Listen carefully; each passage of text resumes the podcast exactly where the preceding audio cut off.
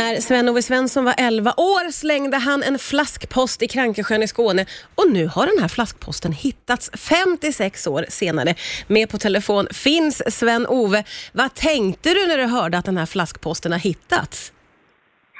Ja, först så tänkte jag, jag fick eh, på ett sms från en familj i eh, Malmö och då tänkte jag, eh, jag läste det här smset och sen läste jag på flaskposten eh, brevet där och tillbaka så tänkte jag, det är ju, det, det är ju den jag har kastat i för många, många år sedan. Och, och du liksom kände igen det? Ja, då gjorde jag ju det. Där kom jag ihåg att jag hade kastat i en flaskpost från eh, bryggan i Krankesjön.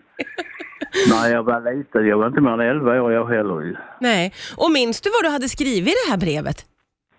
Nej, det minns jag ju inte riktigt. Va? Men jag kunde ju läsa en del om vad där stod då. Min adress och när det var skickat och att jag gillar Beatles och lite sådana grejer. Och det var helt ofattbart.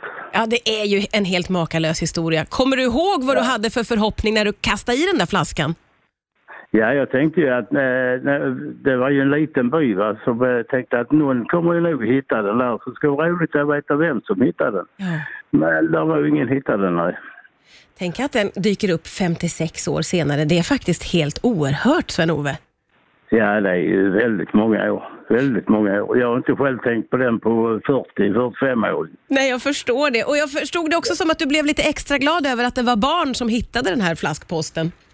Ja, ja, det var ju så roligt så det var ju intressant. I samma ålder som jag var när jag kastade i den. Det är ju helt, helt otroligt. Ja, det, det- var jättekul. Ja, det är en jätterolig historia och det är precis sådana här små ljusglimtar vi behöver i, i tider som dessa tror jag. Så jättekul att du delar med dig. Tack snälla Sven-Ove Svensson Ja, för att du var med här på Rix. FM.